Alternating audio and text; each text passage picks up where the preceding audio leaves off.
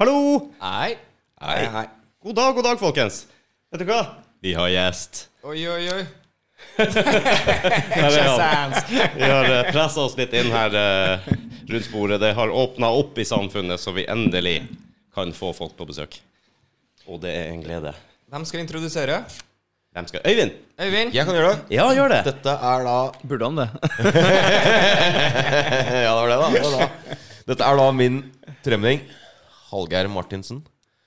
Han eh, driver med litt av hvert opp gjennom tida, men eh, veldig basert på idrett og mental helse. Ja. Ja. Du får rette opp underveis Det- hvis det Ja. Kort, kort og greit fortalt. ja. Ja. Veldig Ja. kort og greit. Velkommen. Takk, takk, takk. takk. Applaus og greier. Eh, og så Den må det på plass, ja. Det er bra. Ja, det er det. Det her er jo eh, midt i blinken for meg, da, som, eh, som begynte å trene for røftlig et år siden. Eh, skikkelig hobby-amatør-mosjonist, om jeg kan si det sånn. Så eh, Øyvind sier at han, eh, han har deg, vet du, i baklomma. holdt jeg på å si. Bare kan, så var jo det helt nydelig. Det her er jo optimalt for meg òg, tenker jeg, som er lat og ikke har trent noe spesielt. Ja, For å da kanskje få en liten boost. Ja.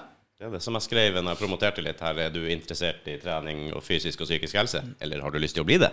Så eh, er det bare å følge med. Clever. Optimalt mentalt, det er, det er din eh, bedrift eller eh, varemerke. ja, hva kaller man det? Et enkeltpersonsforetak? Ja. Bedrift høres så kjedelig ut, men det er jo det. Ja, det er et foretak. Det kan du jo si. Ja. Eh, varemerke. Jeg har et org-nummer. Du har et Ja, ja. org-nummer, ja. Finner deg i Brønnøysundregisteret. Er det legit. Det er bra. Du, eh, du har utdanna deg rett og slett innenfor trening og mental helse, eller? Ja um, uh, Hvor langt tilbake skal vi gå? Nei, det begynte jo uh, Utdanningen, da. Det er jo videregående som mange har vært med på idrettslinja der. Um, men da visste jeg vel at jeg skulle gå på idrettshøyskolen. Det, det husker jeg at jeg visste fra jeg var eh, sikkert ni-ti år gammel. Vi var på noen tur oppe på Sognsvann og liksom Wow, det var kult. Her var det fint. Du var tidlig bitt av basillen der. Ja, jeg var det. Så, så da søkte jeg meg dit. Etter å ha gått på folkehøyskole og litt sånn. Eh, Mhm. tok jeg en, en bachelorgrad som eh, kroppsøvingslærer. Eh, hva heter det? Faglærer i kroppsøving og idrettsfag er liksom den fine tittelen. Ah. Det heter ikke gymlærer, det er fy-fy. Det er kroppsøving. Jeg gikk jo, jeg gikk jo idrettsfag sjøl, bare at eh, jeg var mer glad i konkurranse. Ja. Men Konkurranseaspektet, ikke trening, var ikke For meg var ikke helt Du konkurrerte, du trente ikke for å konkurrere. Nei, jeg, måtte bare, jeg ville jo gjøre så bra som mulig, så jeg måtte jo, måtte jo trene, da. Men det er jo ikke det som jeg føler er gøy for min del. Nei, det er mer konkurranseinstinktet. Ja, å, det er nydelig med konkurranser. Men Det var jo drømmen min, og det, det er jo ikke noe hemmelighet. Det er altså idrettsskole av en eller annen form, ikke sant. mm. Når jeg var 14-15-16-17 år. Liksom det jeg har lyst til. Spille fotball, helst. Ja, ja, ja. Men du skjønte tidlig at du skulle gå langt, da? Eller ville gå langt, i hvert fall. ja tydeligvis. Ja, det, men jeg tenker på tilbake på, til meg sjøl, så det var ikke min tanke. Jeg skulle bare vinne den fotballkampen eller håndballkampen eller hva det var da for noe. Ja. Du virkelig tenkte her skal jeg ta det videre. Forhåpentligvis. Eh, Forhåpentligvis. ja. Eller altså Jeg spilte jo fotball, da, sånn som du gjorde. Ja. Det å Sikkert de aller fleste. Um, og det var jo Man skulle bli proff. Ja. Men eh, det, det sa jo stopp. Som de aller fleste. Som de aller fleste. Ja. Sant. Det som jeg sier, jeg var jo også et kjempestort talent. Vet, helt til Helt skadene og Ja, ja, ja. sånne ting. Sprit og kvinnfolk. La oss ikke glemme dybdesyn. Dybdesyn. Det kan være greit å ha i fotball. Jeg var ikke luftens baron, det var jeg ikke. Det skal jeg innrømme. Når du ikke ser halve banen, da er det en utfordring allerede der. Jeg var ganske rask. Det var min forse. Jeg var, jeg var rask, men, eh, men det stoppa der. Jeg er ikke noen luftens baron. Jeg var ikke det. Nei, Jeg spilte i andredivisjon, faktisk, nede i østsiden i Fredrikstad. Men jeg, jeg måtte faktisk eh, opereres, da. Jeg hadde en jumpers knee. Ja. Så da, da ble den karri- karriera lagt på hylla. Ja. Men eh, så begynte jeg å studere, og da For å fullføre det, så etter bachelorgraden så skjønte jeg at det er ikke lærer jeg skal være. Jeg vil jobbe med mer seriøse ting. Jeg følte at eh, Ikke være ufin, da, men jeg følte at Det er bare å være Du- ufin du her, kan- altså. På kanten her, nå, sånn alle lærere der ute. Ikke det at lærere er useriøse. Nei, det er ikke noe veien med lærerne, men det er elevene. Ja, men det er full forståelse. Men jeg tror det ble en kombo da av eh, ja, Nei, så da, da endra jeg retning. Tok et ekstra år for å bygge på psykologien, så jeg kunne ta mastergraden i coaching og psykologi på samme skole. Så de endra selvfølgelig reglene det året, mener jeg husker. Sånn at før så kunne jeg hoppet fra bacheloren til masteren. Fra, altså pedagogisk da, til psykologi. Men nei, det var ikke greit lenger, så da måtte jeg ha 30 studiepoeng idrettspsykologi. Så da tok jeg 60 poeng og måtte gå et år ekstra. Og det skjedde året før, eller Ja, det, det, sånn glidende overgang der. Ja, Men, eh, men på den annen side så gjorde ikke det noe. For jeg fikk jo Og her kommer liksom kanskje inn det med den seriøsiteten. Var jo eh, Etter fotballen så ble jeg bare en sånn superhobbymosjonist, hva jeg kan kalle det. Trente alt mulig rart. Ja. Og var eh, partyfikser på en nattklubb i Oslo. Det var noen bekjente som drev Klubb Skansen, som det het. Det går jo hånd i hånd, holdt jeg på å si. Ja, ja, ja, men da var det liksom eh, eh, Trene for moroa skyld, da. Ja. Savna jo veien med noe, drive med noe seriøst. Men da var det første året på idrettshøyskolen. Av de seks årene. um, så, så du er Og det er det som er noe fantastisk med idrettshøyskolen. Du går gjennom Det er så sosialt, for du er, gjennom fotball, håndball, eh, basket, volleyball, langrenn, orientering, skøyter Altså you name it, da. Ja. Og da hadde vi friidrett også. Og det var da han som var da Øystein Enoksen, professor i Eller han professor i tittelen, da. Hadde ha friidrettskurset. Og sa at faen, Hallgeir, du løper ganske raskt. Skal du være med og trene litt med gruppa mi? Jeg trener noen folk. Og da var det jo daværende norgesmester på 400 flatt Norges, og norgesmester på 400 hekk, før Karsten Warholm Ja. kom inn i bildet, og norgesmester 200 meter flatt. Dæven steike. Det var det jeg ble kasta inn i og fikk være med. Her, er trenings, treningskompis. De er, litt, de er litt gode. Så da, og da ble jeg bitt av den basillen av friidretten, og det gikk jo egentlig ganske bra. Og da tror jeg det gikk litt hånd i hånd med at jeg ville være seriøs, og hadde lyst til å jobbe med folk som ville noe være seriøse, og ikke dukke opp i en kroppsøvingssal hvor du ofte kan møte folk som ehm, kanskje jeg har litt den derre 'aldri trent', fordi jeg har er kanskje ikke aldri trent, men kanskje ikke treningslyst. Eh, Riktig. Mm. Men det handler jo om mesting og mye annet da, bakenforliggende. Jeg gjør jo det. Jeg tenker jo ofte at når du er i tenårene eller ungdommen, så er det vanskelig å legge inn den treninga ved siden av. Altså, personlig husker jeg jo det. Du var med på fotballkamper, du hadde fotballtrening eller to ganger i uka. Men utover det så var det jo ikke noe trening. Eh, vi var jo fysisk aktivitet hele tida, men vi sto ikke liksom på løkka og prikka baller i krysset og trente på egen tid. Det var jo null interesse for det. Gjorde ikke det? Nei, Gjorde jeg gjorde ikke det. Altså, Vi spilte jo fotball sammen hele tida, men liksom ikke en sånn teknikktrening av den typen som du tenker i dag. Det gjorde jeg. Eh, Altså. Gjorde du ikke det? Nei, vi Ja, gjorde det Det gjorde jeg Og det mange gjorde jeg. timer. Skulle bare få, få til den skruen ah, ja. på den ballen oppi krysset der. Jeg skulle jo imponere noen. Og likevel ble du ikke proff. Nei, nei, nei, det var, det var håndball som egentlig var greia mi, da. Så det var jo mest eh, innendørs kasting på vegg. Ja, det forstår jeg. Friidretten i Finnmark på tidlig 80-tallet var heller ikke Altså Det var det var, var ikke mye Forutsetninger er kanskje ikke fasilitet. helt eh, Nei, jeg er jo, eh, sånn bare for å få med litt selvskryt, så er jeg jo kretsmester i terrengløp eh, i Finnmark mange år. Okay, mange år på rad. Ja, ja, men det var Jeg trente, ikke én dag i året. For det var deg og en til i Ja, det var, aldersklassen. jeg det var deg og en til, ja. Og du slo den? Nei, ja, jeg slo den. Nei da, vi var flere. Vi var det, men det var ikke flere enn eh, 10-15 stykker maks, ikke sant? Eh, på, på gode dager. Terrengløp, var det? Ja. Terrengløp. Og um, han, det var en fyr fra Hammerfest som slo meg ett år, og da gikk det en sånn der uh, liten jævel i meg. Han skal aldri slå meg igjen. Men jeg trente jo ikke noe mer. Jeg var bare enda mer motivert den dagen vi skulle løpe. Ikke sant? Det var, men jeg tok han. Jeg gjorde det, liksom. Men, men det var ikke noe, var ikke noe trening. Vi, jeg løp en gang i året. Den uh, terrengløpet. Eller to, da, hvis jeg hadde to distanser, f.eks. Eller så rørte man seg ikke i det hele tatt, annet enn den der klassiske fotballspillinga. Ja, men du var ikke ute i naturen og hadde det artig, da? Jo, jo, jo. det er jo gjorde jeg terrengløp, da. Ja, jeg var jo ute hele tida. Vi var jo ikke inne. Ja, Eh, men det, det er jo det ikke du ja, men det jeg tenker på med den pedagogiske eh, idrettstreninga altså, Alle trenerne våre var jo en pappa som ikke hadde noen form for utdannelse i noe som helst. Vi hadde ikke friidrettsbaner. Det måtte vi skrape opp sjøl i grusen på fotballbanen. Ja, ja, ja. Så vi hadde stevner og sånn, men det, da lagde vi, lagde vi alt sjøl. Det var nå et idrettslag men vi hadde ikke noen fasiliteter i det Det hele er tatt. litt som at du er fra et annet land, altså. Må ærlig innrømme det. Der, Ja. Men det er ikke så lett å få, å, få, få så mye til Nei, eh, å tilrettelegge så mye der oppe, da. Det er sånn som i ishockey. ikke sant? Det er ikke så mye gode ishockeyspillere fra Finnmark. Det er jo ingen som kan stå på skøyter i Finnmark, fordi at vi har ikke ishaller. Vi har ikke skøytebaner. Vi har ingenting der. Så det blir litt, eh, litt reduserte muligheter. Ja. Men uh, du ser kanskje litt Fotballen har vel innendørsalder, sikkert. Jo da, det, det har vi jo. Det har vi jo.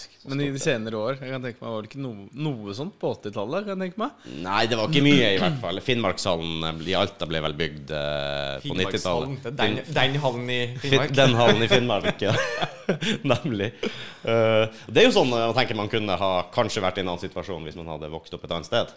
Hadde riktige folk eh, rundt seg som kan motivere og ha fasiliteter og Hvis liksom du legger litt til rette, så vil du jo ofte få blomstringer. Du ser jo Island, som plutselig ble god i fotball. De bygde jo faen så mye innendørs fotballhaller som Ja. borte her. Pluss at de hadde veldig god rekruttering, og de fikk folk med utdanning til å faktisk ta de yngste. Da har du en bra start. mm, Det er sant, det. Og det er klart, eh, du er jo veldig begrensa når du også er i Finnmark og ikke har haller.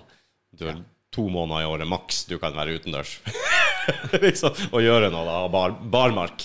Så eh, Nei, jeg vet ikke. Men er det, er det stor interesse da for ungdommen? Det, eller hvor du fokuserer på? Er det hele spekteret? Gjennom uh, min jobb? Ja, ja, jobb optimalt mentalt. Ja, det, det, er, det er eh, Ja, det er hele spekteret. Det er alt fra jeg, jeg driver på en måte nå primært med Det er tre ting, da. Det er foredrag.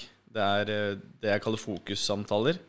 Eh, Jeg er ikke så fan av det coaching-ordet, for alle kan kalle seg en coach. ja. Eh, Alle har blitt en coach Takk, tatt et takk for øvrig for at du unngår det. Så fokussamtale. Fokuset skal være på deg som enkeltperson. Okay. Og så driver jeg da med løpsundervisning. På grunn av sant, at jeg er aktiv friidrettsutøver og har da en god miks med det pedagogiske og den praktiske erfaringen, da. Så da Det er, det er, det er alt du kan tenke deg. Fra eh, Altså, jeg, jeg har et samarbeid med noe som heter FPN. Fotballproduksjon Norge. Oh. Der har vi inne så unge som åtteåringer. Eh, der kan jeg ha hurtighetstrening og mentaltrening på sånne camper, da. Eh, jeg kan ha jeg har løpstrening nå med to fotballspillere i alderen 14. 13-14. Ja. Eh, jeg kan ha eh, ja, fotballspiller i Eliteserien inne på fokussamtaler. Eh, hele spekteret. Tannlege Volda. Stilig. Så det er håp for en kar som meg som kryper opp mot 40 og vil komme i litt form, så, Ja, ja, så er det håp. Absolutt. Ja, men det er bra. Det er bra. Det er interessant. Det er veldig interessant. Eh, har, eh, jeg kan jo si min start. Eh, Jeg vet ikke hvorfor jeg begynte. Det var ca. et år siden covid-19 slo inn og uh... Jeg har sett et bilde av det. Jeg vet kanskje hvorfor du starta. Og fant et tjukk, tjukke bilde av meg. og det bra. Nei, det var i mine nyforelska dager, vet du. Da var vi, hadde vært sammen med kjerringa et års tid, og da har man jo en tendens til å få litt sånn kjærlighetsform, som jeg kaller det for. Nei, uh, det ble mye innesitting. eh, Covid kom, uh, ingenting sosialt. Uh, jeg har aldri trent på treningssenter. eh, at jeg har reist ut to-tre ganger i uka og sprunget på den tredemølla. Det har jeg ikke. men har litt lyst til å rett og slett klare å gå og være frisk lengre. Det var motivasjonen min. Eh, den er kanskje den klassiske 40-årskrisa. Jeg vet ikke. Vil jeg tenker litt at faktisk det finnes en Ja. på det her en gang òg. Det må jo faktisk få til å vare så lenge som mulig. Ja, jeg har en sønn som går i første klasse og tenker at uh, kanskje man har lyst til å være til stede litt lengre. Kjøpe seg noen år. Uh, men så gjorde jeg jo det som veldig mange gjør, at jeg snurra på meg eh, joggeskoene og sprang. Og første løpeturen jeg hadde da, altså siden jeg var 17, tror jeg I fjor, da sprang jeg seks kilometer, tror jeg. Oi. Gikk veldig bra, Ja, det er jo egentlig. kjempeimponerende. Jeg har, har jo vært løper og har løpt mye i min ungdom. Det, Ja, du var jo altså- kretsmester i ja, nemlig, nemlig. Og det gikk jo overraskende bra. For det første så Jeg, jeg røyker og sigaretter, ikke sant. Så Ja. det, jeg tenkte at jeg, jeg klarer vel aldri en kilometer å løpe. Men det, det tok seg inn. Det var ikke noe problem, egentlig. Og så gikk jeg rett på mila dagen etter. Så jeg løpte hver dag. Ja. Og ut og springe. Jeg har fått bikkje også, da. Det hjelper, ikke sant. Ja. Og, uh, Du har løpt hver dag et år nå? Mm. Har du løpt så å si hver dag et helt år? Eh, nei, eh, det stoppa naturlig. Ja. det gjorde det. Eh, jeg løpte hver eneste dag. Rundt en mil, alt fra seks kilometer til en mil, av og til litt over. Ja. I all slags vær. Og det holdt i halvannen til to måneder. Ja, og så begynte fotene å si ifra at ja. Du, nå må du, nå må du roe deg ned. og så fikk jeg vondt i ryggen og knærne. Og så fikk jeg nok trøll med, med bekkenbeinet mitt, og så sa legen at nå må du roe litt ned. Og så har jeg jobba meg opp igjen, da. Ja. Og prøve å heller løpe litt mindre. Kanskje implementere litt andre ting. Har du noe å si på det, eller er det vanlig, vanlig feil? Ja. Elsker Ja. Jeg syns det er så rart, for jeg skulle tro at liksom, det er vanskelig å motiveres når du er tidlig ute. At du rett og slett løper for lite. At du ikke, men eh, jeg kjente det med en gang. Sprang den første turen, så det gikk jo bra. Her er jo null stress. ja. Men uh, kroppen tålte det rett og slett ikke. Nei, nei, nei. Det, det er så superklassiker, det der. Det er, uh, det er, det er Ja, jeg vet ikke om jeg skal starte. Det er Man Det er liksom supermosjonist, treningshobbymosjonist feil nummer én. Å gunne på. Ja. Gunne på, gunne på, gunne på. Det er ikke noe som tar det litt etter litt. Progresjon. Ikke noe progresjon, ikke noe Bam! legge sten for sten. Ikke la kroppen få muligheten til å Venne seg til, ja. ja. Riktig. For det, det som skjer, er jo trening er jo stress for kroppen. Og det stresset vil si at den, vi, vi, vi river i stykker muskelfibre. Det er det trening er. Ja. Det er derfor du blir støl. Bryte ned og bygge opp. Yes. Og da trenger kroppen tid på? For den, Å, faen, det her var jo litt slitsomt. Det, det skal jeg takle bedre neste gang. Så da bygger den seg opp litt sterkere. Sånn at eh, Enkelt forklart, da, hvis dette er eh, baselinen din, så har du, det er utgangspunktet ditt, og så bryter du ned når du trener. Og så får du en god natts søvn, du spiser litt, bygger litt opp igjen, og så kan du trene igjen ganske tøft. Da har du litt lenger nede, og så restituerer du litt igjen. Og så kommer jo da feil mange gjør. ikke sant? Istedenfor å legge inn en lett treningsdag eller en fridag og la kroppen få en overkompensasjon, bygge seg sterkere enn baselinen, Mm. så på dag to så Nei, men vi gønner en mil i dag òg, da.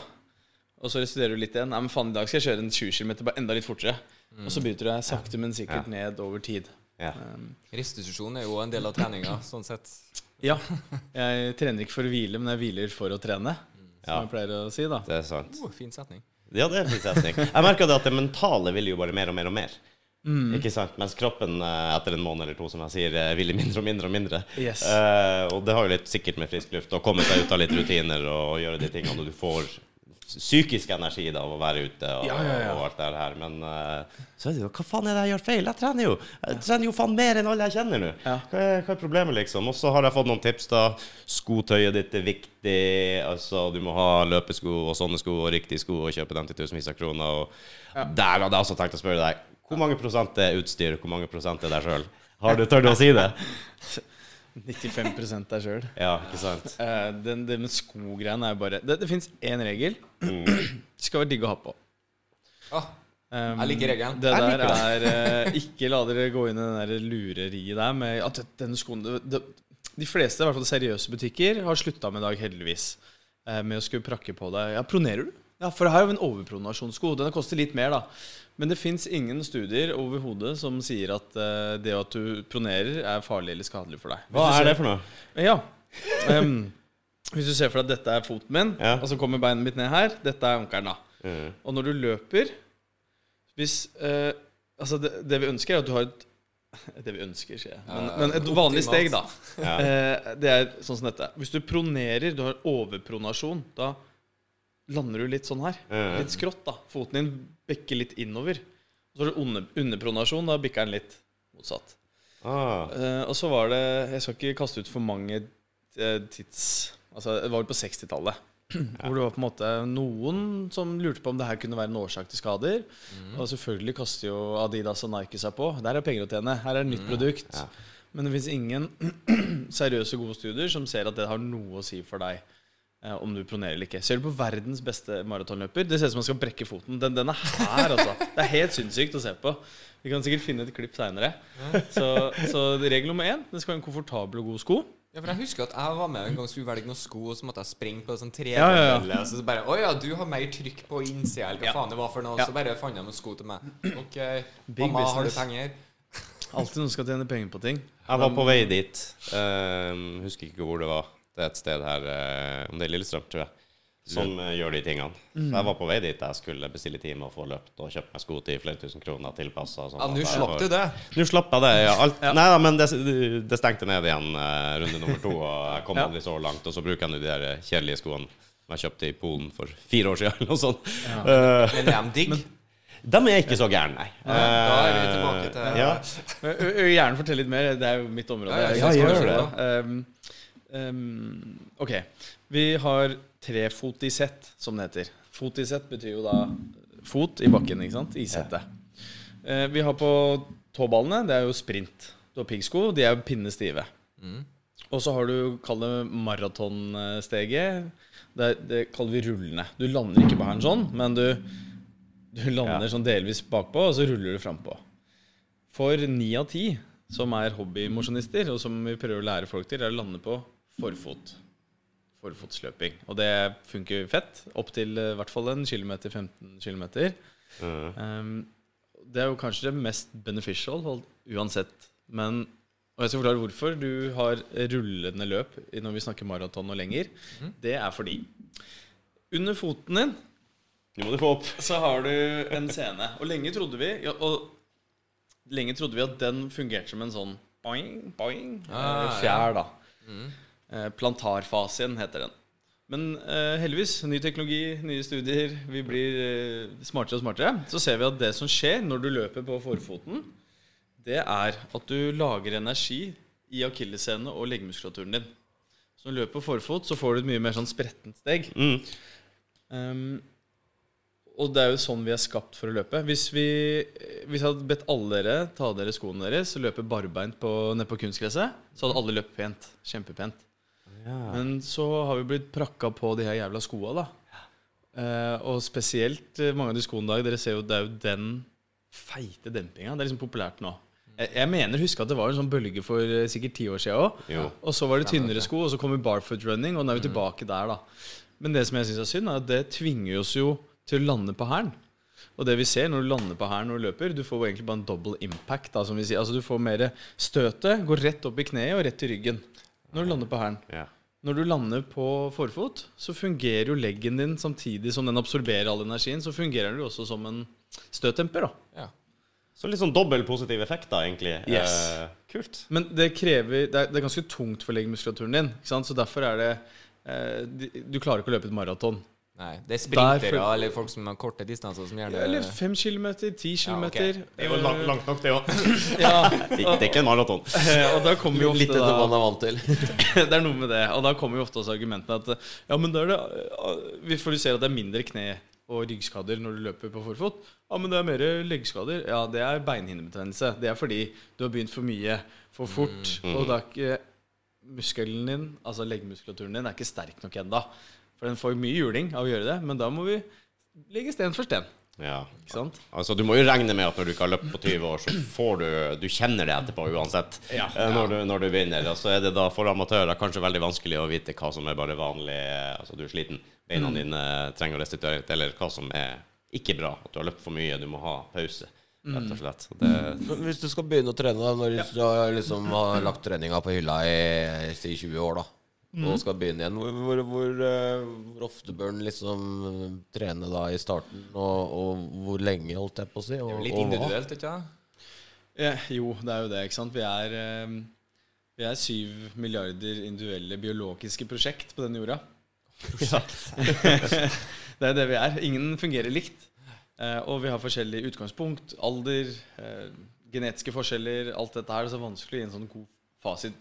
Det er riktig. Og det er det verste jeg veit. Når folk Uff. alle folk som bare Nei, sånn er det. Ja, ha fasiten. Det sier litt om hvor lite du egentlig kan. Fordi det Eller, eller det funka til deg, men det er Ja. ikke nødvendigvis at Riktig. Eh, Det er den Dunning-Kruger-effekten, hvis du har hørt om det. Ja. De som vet lite, er sjukt påståelige. De kan alt. Yes. Mens jo mer kunnskap du får på et sted, jo mer ydmyk blir du. Eller usikker, for du Ja. vet det kan være mer eh, ja, bak der.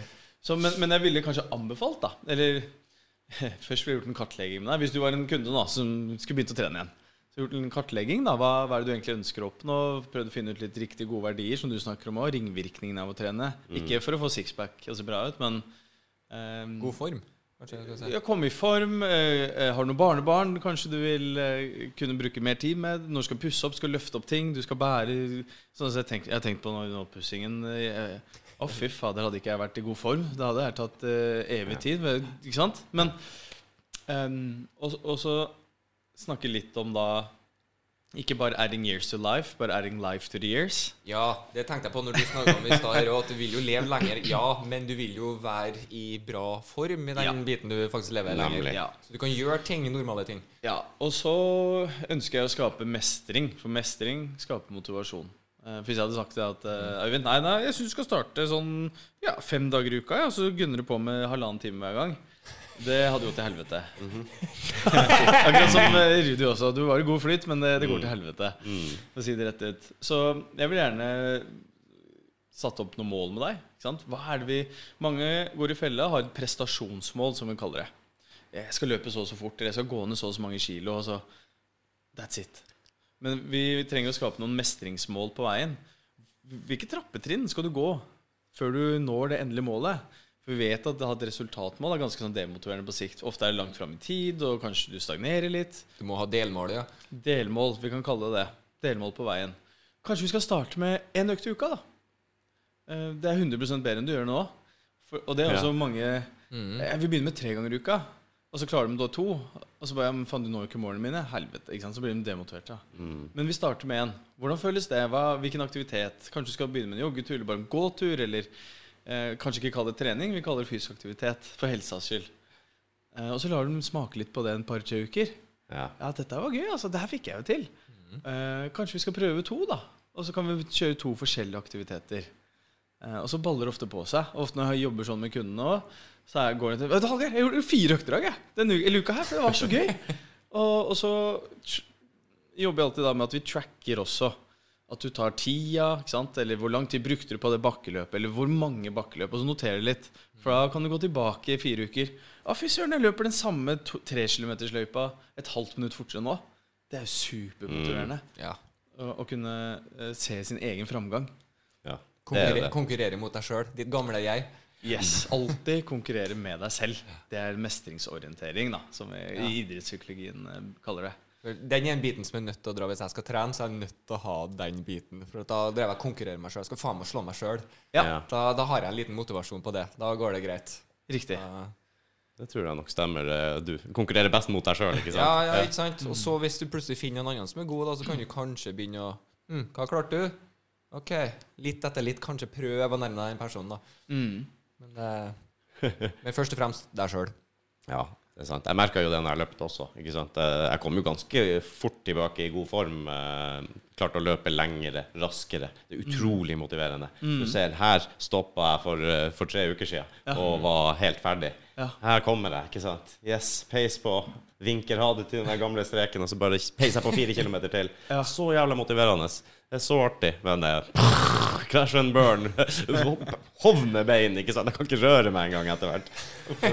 Uff. Men jeg ble ikke demotivert av det. Jeg bare Det er learning by burning. Learning by burning. Helt riktig. Der kommer det til sin rette. Det vi allerede snakka om. Han trodde han hadde funnet opp det. Jeg tror ikke det, men okay, det er gøy at vi bruker samme Ja, for han sa han, han sa egentlig ikke at det er vi, jeg og Rudi, som trodde han fant det opp. Ja. Eh, Strengt tatt. ja, han trodde vel at det var et uttrykk. Ja, ja, jeg, jeg, jeg har aldri sagt at jeg har funnet på det. er- Nei, det er vi to som uh, bare mistenker sterkt at du bare fant på i farta for du ikke kom på learning by Hva er det egentlig heter jeg når jeg har sagt learning by burning så jævla mye? At Learning by doing. ja. John Dewey, pedagogen.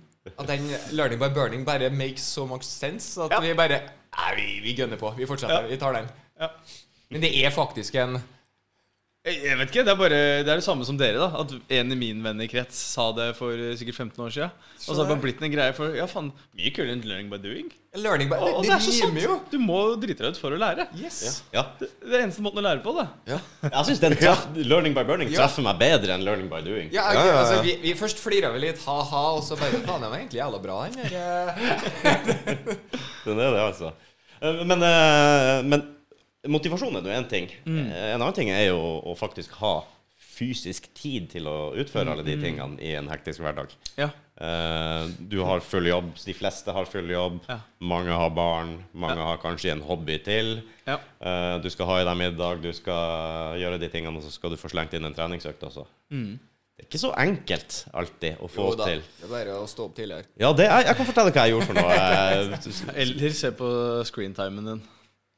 Ah, veldig god vekker, tenker jeg. Men det blir litt Jeg har ikke tid, men jeg har tid Men- til tre timer skjermtid, da. Ja, det er Men eh, jeg bruker jo eh, mye podkast og musikk og sånn som spilles av fra den her når jeg trener. Og da står jo ofte den. Så den vil jo kanskje få skjermtid mens jeg trener, på en måte. Eh, men eh, det er Unnskyldning, vet du. Ja, men det er fint, fint å ha noe bra musikk eller en podkast å høre på når du trener. Da går Ja. tida fort, og du liksom får Jeg lurer på om jeg faktisk skal begynne å trene litt nå, for at jeg, nå har jeg fått meg nye høreapparat. Kan bruke Ja. det som motivasjon, for jeg kan smekke Spotify på høreapparatene. De Ja. tåler regn og alt det der. Så kult. Da kan jeg egentlig bare For det hjelper på. Musikk. Var det det som skulle til for å få deg ut? Ja, og så blir det jo finere i været nå. Ja. Så jeg bare klarer å holde det. For det bra. Jeg har jo sett 100 sånne motivasjonsvideoer på YouTube, Ja. og der er veldig mange folk som sier veldig mye bra og gjør veldig mye bra, men jeg merker jo også at folk er individuelle. Folk har sine metoder som fungerer for, for, eh, for seg sjøl, da. Men det jeg fanga opp som, som jeg tok med meg kanskje mest av alt, det er det, er det at jeg legger ikke opp fast trening i uka. Altså, jeg legger ikke opp faste tider, si f.eks. tre ganger i uka. Det jeg gjør, er at jeg sier jeg skal trene hver dag uansett. Jeg skal Ja. trene hver dag. For i, i min hverdag er så hektisk, så vil de fridagene komme. Ja. De kommer. Uansett, så jeg får fri to dager i uka. Helt bare fordi jeg rekker ikke det den dagen, og shit happens, ungen blir syk, eller et eller annet som skjer. Eh, så jeg rekker ikke å trene. Og hvis jeg da hadde satt opp til å trene den dagen, så hadde jeg gått glipp av kanskje to-tre dager til. Og så, så blir det bare helt fucka. Og så nei, faen, jeg nådde ikke å trene den dagen. Ah, Mista treninga mi. OK, hva jeg gjør i morgen, da? Trener ikke, for jeg har ikke treningsdag. Ikke? Hvis du skjønner hva jeg mener? Det blir en sånn rar greie. Så jeg har liksom bestemt meg for at jeg skal trene hver dag. Og hvis jeg trener hver dag en hel uke, så bikker jeg sjelden mer enn 15-20 minutter, faktisk. Ja. Eh, jeg løper ofte da, eller går med bikkja, så tar det en halvtime, time, og så trener jeg styrke etterpå når jeg er god og varm. Men det har fungert veldig bra for meg. For da får jeg ikke så veldig lange opphold, og de naturlige hviledagene kommer. Eh, og jeg mister ikke noen treningsdager på en måte fordi at ting kommer i veien. Nei, Og for meg da, så blir det, merker jeg det blir mye enklere for meg. eh, å bare vite at jeg trener hver dag. Om jeg da ryker på den ene dagen, så det er ikke så farlig, for jeg skal uansett trene i morgen. Og så kan jeg øke litt da, hvis jeg får trent færre dager denne uka og kjenner at jeg har overskudd til det. Ja. Høres ut som du har funnet din greie, da, egentlig. Jeg tror det. og Jeg tror jeg har funnet min greie, og det funker for meg, da, for jeg har så mye uforutsette ting som skjer hele tida. For meg å sette opp en tirsdag og en torsdag og sånn, det, det er nesten helt praktisk umulig. Eh, og det funka for meg. Og så har jeg også den der eh, som jeg også tok med meg fra en eller annen, en eller annen motivator, eller hva det nå var, som sa at jeg får ikke lov å ombestemme meg før jeg står i treningstøyet og har gått utfor døra. Riktig. Da, da kan jeg ombestemme meg. Da kan jeg, da kan jeg si at Den var nei. faen ikke dum! Jeg orker ikke. Og hvis jeg sier faen, jeg orker ikke i dag Nei, du orker ikke, men du orker å ta på deg eh, treningsbuksa. Du orker å ta på deg joggeskoene dine. Det klarer du. Ja, ja, ja. Du orker å gå ut for døra, så står du utafor dørstokken, da. Ja. Halve jobben er faen meg gjort, altså. Ja, nå kan jeg beinet. Du klarer ti minutter. Come on. Og da Du drar deg litt sakte i gang, vet du. Men, mm. men det er krevende, altså. Skikkelig krevende innimellom. Ja, ja, det kan jeg tenke meg. Og det, eh, det blir sånn whatever floats your boat. Altså de færreste Du er jo nordlending, så du, du kan Du er liksom My boat floats. ja, for, for mange ville blitt skikkelig demotiverte av at 'Å, jeg får ikke trent som jeg skulle ønske'. Men det viktigste er jo at du finner det som fungerer for deg. Igjen, vi er jo ulike prosjekter alle sammen. Ja. Um, og så er det en helt normal greie det um, med den treningsmila Ok, hjernen vår meta, ok, For å forstå hvordan vi mennesker fungerer i dag, så må vi alltid se på evolusjonen. Det er alltid en grunn til at vi fungerer som vi fungerer.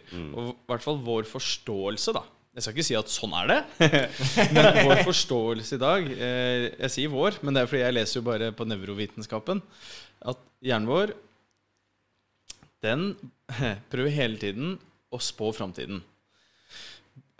Sånn at det, basert på kontekst og erfaring, så vil hjernen din gjøre en prediction og en simulation. Altså, det blir, det blir engelsk, for det er det det går i. Men den prøver til å simulere hva er det som skjer nå. De neste gjør tusenvis av simuleringer hvert sekund. Det er sånn metabolsk smart. Det, det, hvis vi skulle tatt inn eh, all informasjon gjennom øynene og gjort valg basert på det, så ville det vært som om alle vi skulle sitte på eh, et skikkelig dårlig internett eh, en, en skikkelig dårlig internettforbindelse og sett på HD-film, alle sammen, eller 4K. Det hadde ikke funka, det hadde bare smelta. Ok, Så hjernen vår er faktisk um, skrudd sammen sånn da. Den prøver å forutse framtiden. Det er metabolsk smart. Og så er det jo på en måte menneskets eh, evne til å overleve har jo vært å unngå ubehag eller farlige situasjoner. Så hjernen vår er skrudd litt sammen sånn at den ønsker å unngå eh, ukjent. Ubehagelig. Ubehagelige ting. Sant? Det hedonistiske mennesket, da. Ehm, og det er jo noe av grunnen til at, tror jeg, da, at det er vanskelig for mange å komme seg ut den dørstokkmila. For det er ubehagelig. Det er, det er nesten litt sånn frykt eh, Noen sier jo at all vil hevde at Hva var det var? At all frykt stammer egentlig bare fra eh, det usikre. Mm. For det har sikra vår overlevelse. At vi ikke skal gå inn i det usikre. Hvorfor for mange er det å gå ut og trene altså noe usikkert eller Ja, det har gagna oss bra til før, men Ja. i vårt samfunn i dag så jobber det kanskje mot sin hensikt litt. Grann. Det er ganske, husk, Hjernen vår legger jo et par millioner år etter. igjen. Vi kommer jo fra Vest-Afrika for sånn rundt halvannen-to millioner år siden. alle sammen Ja. Eh, Så vi er jo skrudd sammen for å ikke bli spist av løvene på savannen, eller eh, passe på når eh, andre stammer har lyst til å komme og ta oss, rett og slett. Det er litt spesielt. ja. Det samme med, med, med sukker og sånn òg. Når, når man fant honning i naturen når du var hunter-gatherer, så var det bare om å gjøre å få i deg det. Ikke sant? For det finner du ikke igjen på gud vet hvor lenge. Fett. Eller mye sånne frukt, ja. Eh, hvor du liksom eh, stapper i deg. Så sitter vi litt fast i det, da. Med Ja. at vi har tilgang til det hele tida. Men hjernen vår den eh, fortsetter å spille det gamet her. At nå må du få i deg det her. Det, Vi har, Vi har jo tatt med oss noen fordeler òg. Altså, sidesynet vårt, det med å ta, få bevegelse. Shut up. Ja, ok, jeg- jeg- jeg- jeg- jeg- Men det ene øyet ditt har jo side. Det med at du faktisk snapper Oi, det rørte seg noe på sida der. Det er jo forsvarsmekanisme for at vi ikke skal dø, eller strengt tatt ta det ved løveren og sånn. Funker kjempefint i trafikken. Intuisjon, ja. Det fikk vi dratt en fordel med. Så ikke bare For så vidt. For så vidt. Uten sammenligning for øvrig. Og så ikke minst den der du sa i stad. da. Det er altså litt sånn Det er bare stopp tidligere. Det er ikke bare det for alle, skjønner du. Og der blir jeg litt sånn irritert at sånn som David Goggins og andre sånne folk som får mye eksponering men, ah, Du må bare opp klokka fire og trene! Du skal trene tre treningsøkter innen klokka sju mens verden sover! Er bra, det er så Sorry, men det funker ikke for alle. Vi er A- og B-mennesker. Hva sendte du deg i dag tidlig? Jeg sa det litt ironisk, da, for jeg har ikke kommet til å stå opp så tidlig. Nei, jeg, jeg jeg. Jeg sendte han treningsbilder fra garasjen min i dag tidlig hvor jeg står og løfter vekter, og der står det 'Work harder, bitch'. Skikkelig eh, David Goggins. Det var så bra. Nei, men, jeg altså, men men når jeg sier med det altså, Hvis han inspirerer deg, kjempebra å bruke han som en sant, inspirasjonskilde òg, men jeg tror mange kan A gå i fella på at Å, jeg er så mislykka, for jeg klarer ikke å gjøre det han gjør. Ser opp til han. Og minst det der med den sovingen. Det er, Joe Rogan er vel også der og oppe og klinker. Um, men så har vi det med A- og B-mennesker. Det er en høyst reell greie. Det er også evolusjonen. Vi er jo flere B-mennesker enn A-mennesker. I Norge, Jeg tror du kan lese mye forskjellig statistikk der. Ja, ser jeg. Det er Ja. både og. Ja, det er eh, det jeg på en måte leste. Det er jo fra han der eh, kjentesen om dagen. Han kjente kjentesen Den Why We Sleep. Matthew Walker. Han har jo fått veldig mye medieoppmerksomhet. Eh, og han skriver jo Og igjen, ikke sant, hvem vet best? Hvem vet mest? Jeg har lest så mange forskjellige tall, da. Men Ja. vi går ut ifra at Da sier vi 50-50. Lander vi på midten. Nei, da var det, da var det 40 av, av jordas befolkning. 40% A, 30% B, ja. resten et sted sånn flytende mellom. Ah, Men så har jeg sett andre steder som du sier, at det står eh, 70% av Altså Ja, ja, ja. Men- det men- vet jo så mye, men ja. Nei, men du, du finner alt. På en måte Men jeg tenker poenget er jo um, For folk, ja, A-mennesker er sånn ja, Faen, det er bare å legge deg tidligere. Det er bare å stå opp tidligere. Eh, Skjerp deg, liksom.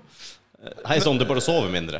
Jeg gjør det. Jeg bare kutter inn på et par timer hvis det trengs. Men uh, legger meg ikke noe tidligere. Jeg må ha søvn, jeg, vet du. Jeg har jo migrene igjen, så hvis ikke jeg to-tre dager med dårlig søvn, sånn, så bang, Ja, ja. der er jeg bare sengeliggende. Altså. Fucks you up, brother. Det er, altså, Du trenger åtte timer om natten. Altså. Det er mange grunner til at du trenger de åtte timene. Men sånn kort om A- og B-menneskene, igjen evolusjonen. Hvis hele stammen lå og sov åtte timer om natten, superexposed for alle slags trusler, så moder natur eh, var ganske smart. Hva om vi får rundt halve stammen da, til å legge seg tidlig og stå opp tidlig, og resten legge seg seinere og stå opp seinere, så er det bare fire timer vi, vi er exposed da, for farer. Ja. Og det synes jeg er en spennende teori, da. Evolusjon, jeg elsker det. Ja, men det er interessant. Det er jævlig interessant. Sånne ting, det liker jeg. Det, ja, hvorfor er det sånn? Det kan være årsaken. altså. Jeg syns det er en plausibel forklaring. i Ja, hvert fall det Og det, jeg, ja. det, er, det mener jeg det er fortsatt genetisk forankret og kodet i oss i dag. da Ja, det, ja, det høres jo jævla plausibel Jeg har nesten lyst til å be ja, sånn er det. Du er snart, snart vedtatt. det er bra. Som fakta, ja. Og så ser man jo at eh, alle- alle barn er jo A-mennesker, og så skjer en forskyvning i tenårene mm. mot B. Og så glir man gjerne litt tilbake når man blir eldre. Og det er sånn, hvorfor i all verden Ja, det er sant. Og det er også en sånn teori da de har at det var da foreldrene gikk og la seg. Det var da mu eh, ungdommen fikk muligheten til å bli litt mer selvstendig og oppleve verden på egen hånd. da Uten foreldrene. Derav av tenårene at du blir Ja. Så det, det skjer jo med Så jeg sier til foreldre som har tenåringsbarn, bare ikke kjemp imot det. For ungen din kan ikke noe for det selv. Det er ikke Nei, nei. med vilje at de legger seg ett. Eh, Nei. vi la oss se bort ifra alt med søvn og gaming og blålys og all den dritten der, da. Men sånn genetisk så vil det skje. Så prøv heller å legge til rette for da at, eh, Ja. At de får den søvnen de trenger, enn å bli sinna og krangle. Det er liksom Jeg husker på at jeg hadde en dårlig kombinasjon med min mor, som er A-menneske. Jeg er jo B-menneske og var C i tenårene. Så å si. Og uh, hun lik, la seg tidlig, og når jeg sto opp om morgenen, så var jo ikke jeg mottagelig for noe som helst. Nei, Skulle på skolen, der, Og hun gir meg masse info om hva som skal skje i løpet av dagen i dag. Du må huske det, du må huske det. Spise frokost, får ikke med meg en ting, sant? for jeg holder jo på å våkne. Og når jeg skal da døra, så spør jeg Hva var det jeg skulle egentlig Ikke sant? Og hun like frustrert hver gang. Mm. Vel, snu det motsatt, da. Mamma, i morgen må vi huske på at vi skal gjøre det rett før leggetid. til hun da, vel jeg merker. Så hun får jo ikke inn noe, for hun er så trøtt. Hun er A-menneske, ikke sant? Så vi, vi er jo klin lik, bare A- og B-menneske. Så at vi, vi måtte jo prøve å finne en greie der, for vi klarte jo ikke å gi hverandre info på kvelden opp tidlig på morgenen. Det var like sur begge to. Vi kan bare prate sammen mellom tre og fem. Ja, kan vi ikke Etter frokost, i hvert fall. Da. Da, er- jeg tilgjengelig.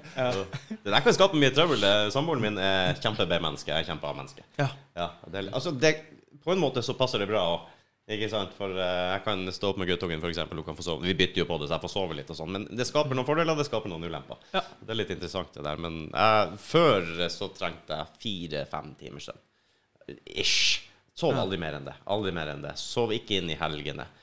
Jobba mye, eh, var aktiv eh, Ja, hadde behov for lite søvn. Nå ligger jeg på ca. seks timer. Ja. Som jeg sover på hver natt. eh, Og det holder mer enn nok for meg. Men da er det heller ikke sånn at jeg sover aldri på dagtid. Jeg sover kun på at jeg har aldri middagslur. Kvil Hvil, ligger aldri og hviler. Aldri. Vet du om det er dårlig? For jeg har en tendens, og gjort siden ungdomsskolen, at Ja. jeg har en dupp Ja. på dagen. Nei, kjempebra. Det går greit, det. Ja, ja. Det er ikke noe sier det bra. Det ødela hele dagen min. Jeg gjorde det sånn når jeg var rundt 25 år. Ja. Og, og i den tida der litt mot jeg ble 30, så hadde jeg en sånn Der jeg la meg sove etter jobb etter middag. Og Ja. litt sånn Og jeg helt, helt fucka opp. Jeg var så ødelagt. Jeg fikk ikke gjort noe mer den dagen. Nei. Jeg var ja, Har du ADHD? mitt- Jeg tror ikke det. Nei? Eh, Men jeg har Jeg har egentlig ganske, ganske stabil energinivå hele veien gjennom dagen, egentlig. Eh, Jeg svinger ikke så mye. Jeg svinger jo. Du svinger, ja. Ja, sånn at eh, Til meg, den der duppen der, den er helt nydelig. Da våkner jeg bare trenger et kvarter til å bare blinke meg til, og så føler jeg at jeg har mer energi. Ja. Men jeg har alle verdier i orden. Jeg har sånn som flott blodtrykk, bra ja, Alt det du kan måle, men måles bra. Det er ikke noe verken opp eller ned, på en måte. Så jeg vet ikke helt om det er bra for meg. Bare sove seks timer om dagen, aldri ha middagslura. Det er veldig statisk, da. Veldig statisk hele Men eh, veien. prosjektet Rudi, for jeg liker at du kaller folk prosjekt ja. Det kan hende at du kanskje ikke trenger så forbanna mye søvn som en annen person. da Jeg, jeg tror det, men uh, det. Kanskje jeg får svi? Igjen, det er vanskelig å si, for vi er jo individuelle. Og de fleste studier blir gjort på større folkemengder, ikke sant? så da blir det jo snitt Du alltid det vi kaller outliers. Og du kan gjerne være en av dem, ikke sant? Eh, men det man tror, er at vi mennesker er skapt for eh, det vi kaller bifasisk søvnmønster. Eh, nå så vi monofasisk. Mono er jo som én høyttaler. Ja. Eh, bi er jo flere, ikke sant? Bifasisk. Som betyr at vi sannsynligvis Du, Lunsjtider klokka tolv, da. Altså, det kan bli et helt Ja. foredrag, det her, da. Men uh, vi har en døgn, døgnrytme ikke sant? Som, som svinger hele dagen. Den er 24 timer. Uh, det var gjort uh, banebrytende pionerarbeid. Er To forskere, jeg husker ikke navnet, gikk inn i grotter, blei der i flere uker for å se hvordan døgnrytmen blei. Eh, de holdt seg ganske greit på 24 timer og 15 minutter. Og så har vi sollyset, da. Så har vi noe som heter nucleus suprachiamaticus, som oh. stiller klokken i hodet vårt. En gang til. Eh, nucleus su suprachiamaticus. Sweet. Um, som stiller, eh, stiller klokken vår i hodet vårt 24 timer. Blant annet pga. sollys, rutiner, måltider og sånt noe. Og alt organer har jo klokker, da. Så denne døgnrytmen vil hele tida gå opp og ned. Den er fast. Og rundt tolv så blir jo veldig mange, da Jeg sier ikke at alle, men opplever at de blir litt døsige. Og de aller fleste skylder jo på lunsjen. Men så det er veldig rart at alle skal oppleve det. Um, og da tror du må da, ikke sant, at her Span Spanjolene og grekerne har vært gode på det. Siesta. Siestaen, ja. ja. Mm. Stemmer det. Går, drar vi til stammesamfunn som lever sånn som man gjorde før, sover de fortsatt midt på dagen. Så det man gjorde, var at man fulgte en studie eh, For du fulgte eh, Hvor mange var det? Det var en by i Hellas da som måtte slutte med siestaene sine pga. turismen. Jeg tror det var 15 000 personer, ja, menn som de hadde med. eh, uten tidligere sykdom eller grunn til sykdom eller Hva heter det? Kjemisk hjertesykdom. Mm. Eh, det som skjedde, var jo at når du slutta med den nappingen, så folk døde tidligere. Og fikk oftere hjerteinfarkt og sånt. da Eh, Jeg skal ikke gå mer i detalj, for jeg vil ikke si feil. Men, men summa summarum var det på en måte Vet du hva? Det er sannsynligvis veldig sunt for oss å sove en kort nap. Ah. Um, og så sier man det at eh, kanskje ikke lenger enn 20 minutter etter Mm. klokka tre på dagen hvis du sliter med å sovne på, på natten. Mm. Um, og så er det dette med disse timene hvor man ser at hjernen Når vi er våkne, så Ok, vi har, du har døgnrytmen, og så har du noe som heter beta-plakk. Eh, nei, sorry. Uh, hva heter det? Uh, Beta-amolyd. Um, altså I believe you. Ja, I believe Så mange fancy navn, da. Jeg, jeg klarer ikke å huske alt. Men når vi er våkne, så er ikke det, vet du. For betaplakk er det som hoper seg opp i hjernen, som hjernen din trenger åtte timer på Yes, å rense rense ut når du sover. Mm. Derav plakk, Yes. tror jeg. Og det er beta-amoloid, det proteinet. Å, hva heter det? Herregud. Det er litt annen Yes. Men uansett så er det vel virkninga du skal fram til her nå. Ja, ja, og det er vel egentlig søvntrykket. Ja. Nå husker jeg ikke det hormonet. Men når du eh, Døgnrytmen igjen. Ok, Klokka 11-12 så begynner den døgnrytmen å nå bånden. Du begynner å bli jævlig trøtt. Og gjennom dagen så har det bygd seg opp dette hormonet i hjernen din som øker søvntrykket. Ok, Og det er det Det søvn- ordet. Ja. som hjernen din trenger åtte timer i snitt da Mm. på å rense ut. Mm. Mens folk ikke sant, sover i seks timer, og så våkner du, så er du helt døsig. Så Ja. drikker du kaffe, og det som skjer, er at koffeinet stjeler reseptorene, altså plassen, til dette hormonet som øker søvntrykket ditt, som skal hjelpe deg å bli trøtt. Er du med meg på den? Ja, ja, heng med. Så derfor føler du deg ikke trøtt, da. For det har stjålet plassen. Og det er der i Koffein har en halveringstid i snitt på rundt sånn seks timer. Ok. Og så skjønner ikke folk da, ikke sant Eh, du, du, Det er den onde sirkelen. da Du våkner trøtt, drikker kaffe, så er det kaffe til lunsj, og så er det kaffe til middag, så er det en kaffe klokka sju der, og så har du koffein i kroppen. da Du har en halv Drikker du en kaffekopp klokka seks, Mm.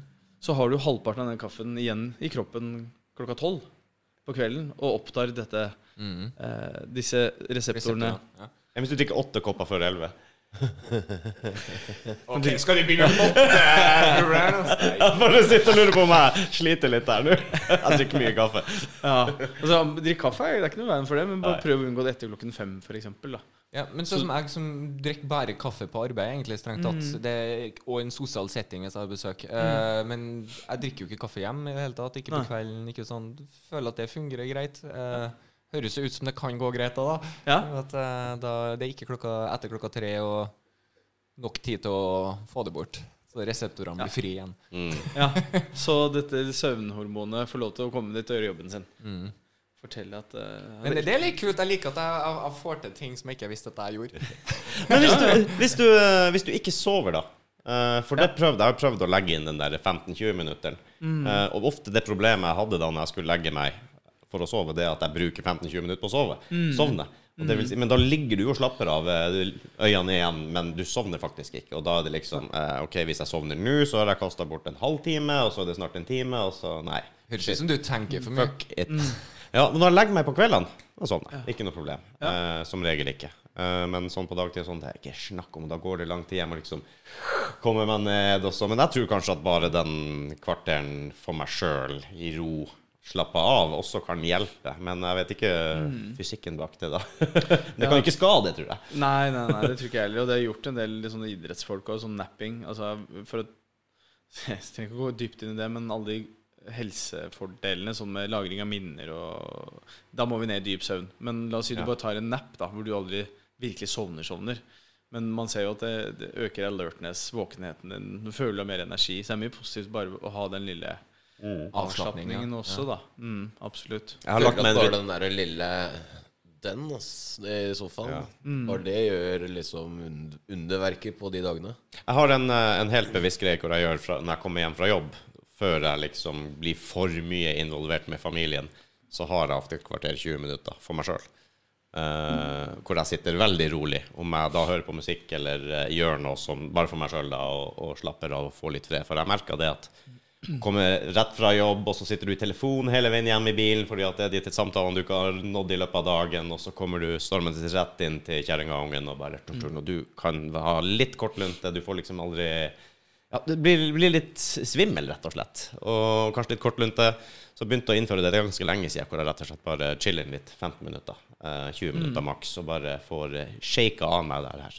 Fungerer mye bedre med en gang. Jeg er mye mer villig til å høre hva de har å si. Eh, eller å ta den, ta den praten og hilse på guttungen. Og, sånne småting. Det er jo ikke, det er ikke meditasjon, det er ikke soving, det er ikke noe sånt. Men eh, Omstilt seg litt. ja, jeg tror det. Eh, det er som Jeg hadde en engelsk eh, kollega, han sa de har også en sånn tradisjon, men det heter puben. Og det Innom puben og ta seg ja, en pint. og han mente oppriktig at det her er bare positivt. Fordi at han og kompisene møtes på puben etter jobb, Sitter og drikker masse øl. De blir selvfølgelig ganske drita hver dag. Det er ikke noe stress, det. Men de får jo ut all sin frustrasjon og sånn her, ikke sant, om både jobb og konen og sånn. Når de kommer hjem, så er de jo i godt humør. Jeg tenkte det er fordi du er full. da er du jo Kjerringa er i grunnen ikke så godt humør. Men uh, han mente at det var helt positivt, det. For da slipper han liksom å klage til fruen når han kommer hjem. Jeg Ja. tenkte Kanskje det er noe i akkurat det med at du er med kompiser og liksom gjør de tingene og får litt sånn avreagering, men eh, seks halvlitere hver dag, jeg vet ikke om det, det hjelper på. Jeg Tror ikke det i lengden er så Åssen var det skilsmissestatistikken der nede? Ja, det var det, da. Det var det, da. Men jeg tror nok restitusjon, søvn og alle de tingene er mye mer viktig enn det man kanskje tror. Uh, når det i hvert fall kommer til trening og sånn. Eh, Vi har vel funnet ut mer og mer om det etter hvert. da Det f vil jeg tro nå til dags at vi faktisk er ganske viktige. Men uh, før Nei, nei, hardcore. Gun på, gun på. Ja, ja. Helt til ja. jeg stopp. Det er helt krise. Det er eh, eh, mye spennende. Det man, når vi sover òg, så er det eh, Kall det sånn elektrisk impulsstøt. Søvnspindler kalles det. Oh, jeg elsker vel ordene du kommer fra time Spesielt for idrettsutøvere, da. ikke sant? Uh, igjen, syk, søvnsyklusen din. Da. Det er sånn syklus. Mhm. Sånn at uh, time seks til åtte så ser man ekstrem uh, Aktivitet. aktivitet da, i de søvnspindlene. Og det man ser, da, er at det later til at fra time seks til åtte er da hjernen din er ekstra aktiv med å lagre motoriske ferdigheter og minner på et sted dypere enn din egen bevissthet. Dere har sikkert opplevd det, at dere har prøvd noe nytt, om det har vært, om det har vært gitar eller tennis eller langrenn eller hva som helst, vannski. Og så kommer du tilbake og prøver det en gang. Så går det så jævlig mye lettere. Teknikken har blitt bedre. For det man tror er da Hjernen din, når du sover, da, time 68, så lagrer den, jobber med det, og så stryker den liksom Da stryker den, og så glatter den ut alle rynker og krøller og sånt, da. Som gjør at du plutselig mestrer det bedre. Det er ganske Og Så så er det bearbeider faktisk dine bevegelser med det du holder på i løpet av mens du sover. Eh, Ja. Ja. det er jo- Jeg opplevde det der når jeg begynte å ri. det Ja. kan tenke meg, ja. Fordi da hadde jeg hatt øh, en sånn langøkt. Og så skulle jeg ha en økt til dagen etterpå. Og da var liksom alt det jeg drev og kuka og kødda med på, på hesteryggen der dagen før, det hadde jeg løst eh, i søvne mm. i løpet av natta, liksom. For jeg kom opp dagen etterpå, så bare da fant jeg rytmen, og jeg fant alle punktene, og alt bare Stemte, Ja, liksom. det bare falt meg helt naturlig. Ja. Sprøtt. Det er ganske rått hvordan det fungerer. Ble til og med bemerka, liksom. Ja. Bare faen, har du ridd i søvne, da? Ja, tydeligvis. Ting har falt litt på plass. Ja, ja det er kult, Det ja. er ganske gøy. Og så er det jo Det er jo under dype søvn, og da, ikke sant, da synker blodtrykket senkes. Det er kun da hjernen din er uten stresshormonet kortisol. Som by the way egentlig er et kjempeviktig bra hormon. Det er bare fått ikke sant? Det er det som gjør at du våkner om morgenen. Det er kortisolet. Um, og det Mm. proteinsyntesen Altså, kroppen virkelig reparerer seg da i den dype søvnen når du sover. Jeg ser jo på hjernen litt som en PC, egentlig. Du må jo slå den av av og til. Hvis Ja. ikke så begynner den å henge og gå jævla tregt, og til slutt så kan den bli ødelagt. Ja, ja, det virker som jeg bare renser harddisken av og til. For jeg husker jo ja, ingenting. har renset men, litt eh, midt på dagen du, tror jeg. Ja, jeg gjør det. Jeg holder det gående, men jeg husker ikke en dritt. Og bare, Nå, ikke det? Men Nei, jeg har dårlig Gå tilbake til søvn. eh, Ja, det er interessant, da. Fordi det er i søvnen vi lagrer minner. Altså se Ja. på eh, det vi opplever gjennom dagen. Hippocampus lagrer det. Se på det som USB-minnestikken din. Ganske begrensa lagringsplass. I den dype søvnen, disse søvnspindlene igjen, ser vi overfører minner til andre steder i hjernen. da. Da er det sånn natten, den dype søvnen. Det er som om du da tar denne USB-minnestikken, plugger den inn i harddisken, lagrer det der, og så tømmer du USB-minnepinna di. Klar til neste dag, da. Ja, du tar en backup, rett og slett. Altså, Til, til den underliggende harddisken som har mye større plass. Ja. Yes, Ja. riktig. Men på jobb har ikke jeg det problemet. De åtte-ti timene man er på jobb om dagen, så, så virker det som det bare, går på autopilot. Men så ellers liksom skal huske navn og huske TV-program eller huske en låt eller whatever. Faen, Hva vanskelig av og til? Du vet jo det. Ja, jeg jeg bruker jo å sitte og fiske etter det. Hva er det jeg mener? Hva er det jeg mener? Men uh, så fort jeg er på arbeid i modus i faget Men det kan være litt sånn muskelminne, nesten. Altså, jeg vet hvordan det er, jeg vet ikke, men, eh, men det er veldig interessant. Hvorfor funker det så bra i den settinga, men uh, kanskje jeg lader ladder helt ut der.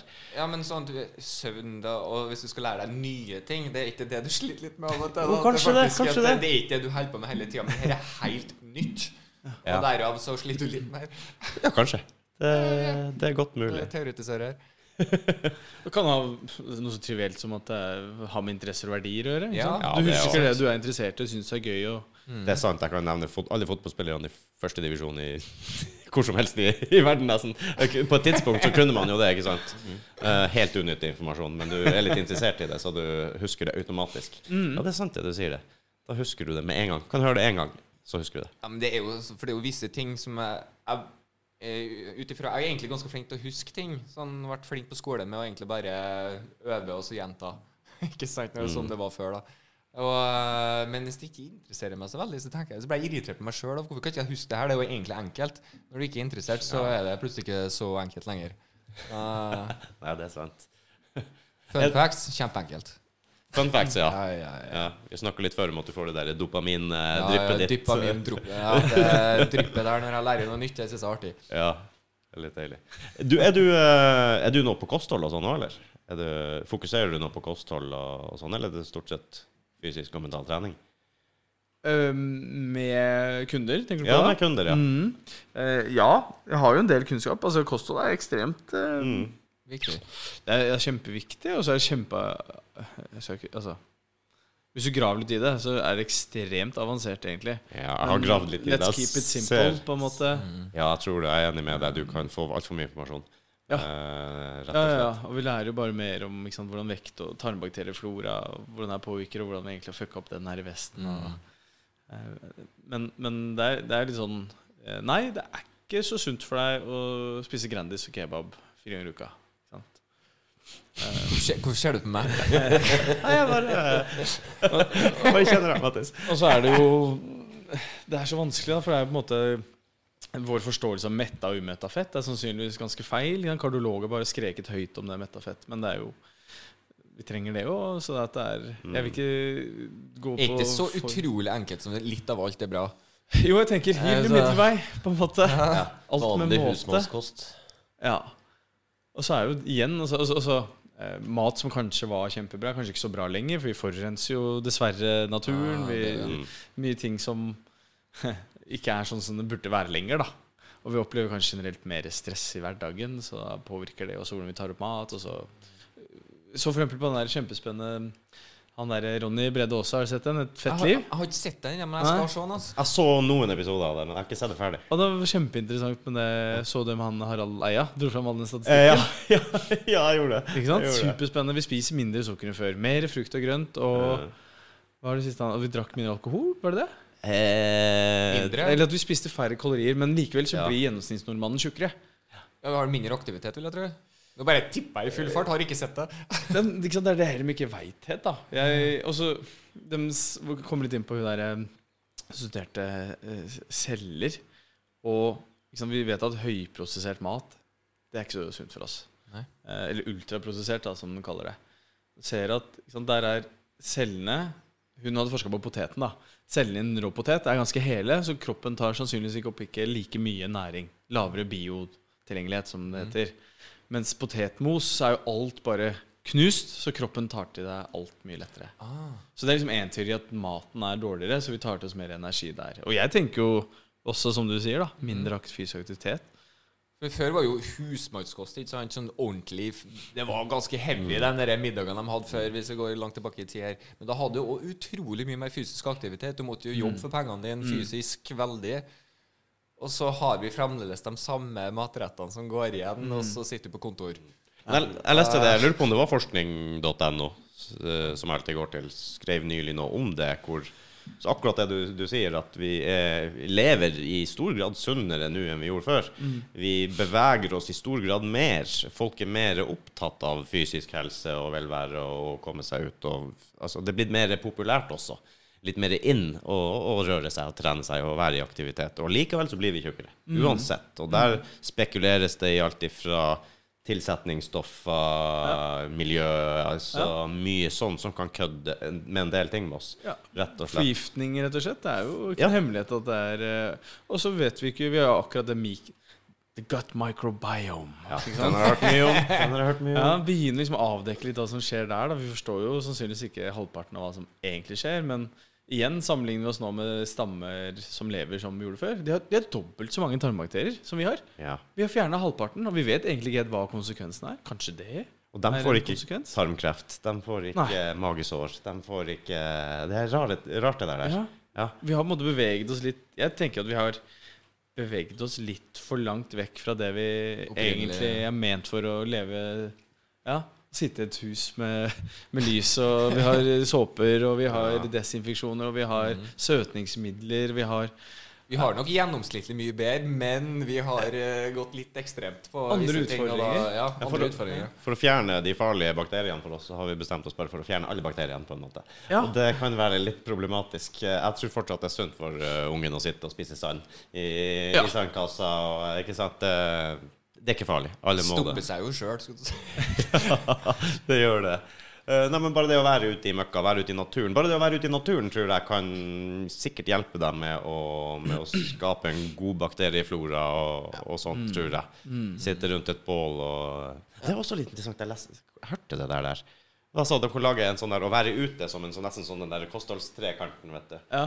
Hvor du kan, hvis du tar Faen, hadde jeg hørt det? Hvis du tar for eksempel eh, 20 minutter to eller tre dager i uka i byparken din, så vil det så og så mange prosent redusere stressnivået ditt og sannsynligheten din for at du krasjer, altså at du møter veggen. Ja. Den går ned. Hvis du tar den også oppå på pyramiden, tar du tre timer eller noe sånt, du er ute i strekk et par ganger i måneden, ute i skogen, Ja. eller i, i større, stør, unnskyld, en større park eller et eller annet. Jeg har den. Det er minst én gang per sending.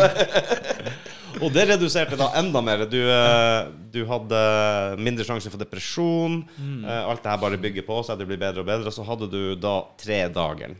Hvis du er tre dager i en liten gruppe ute i naturen, da sier at du er på telttur en ukes tid, eller, eller noe sånt, så havner du i en status hvor du, hvor du nesten er Hva Hva det heter sånn um, Euforisk, da. Euforisk, ja. Meditasjon.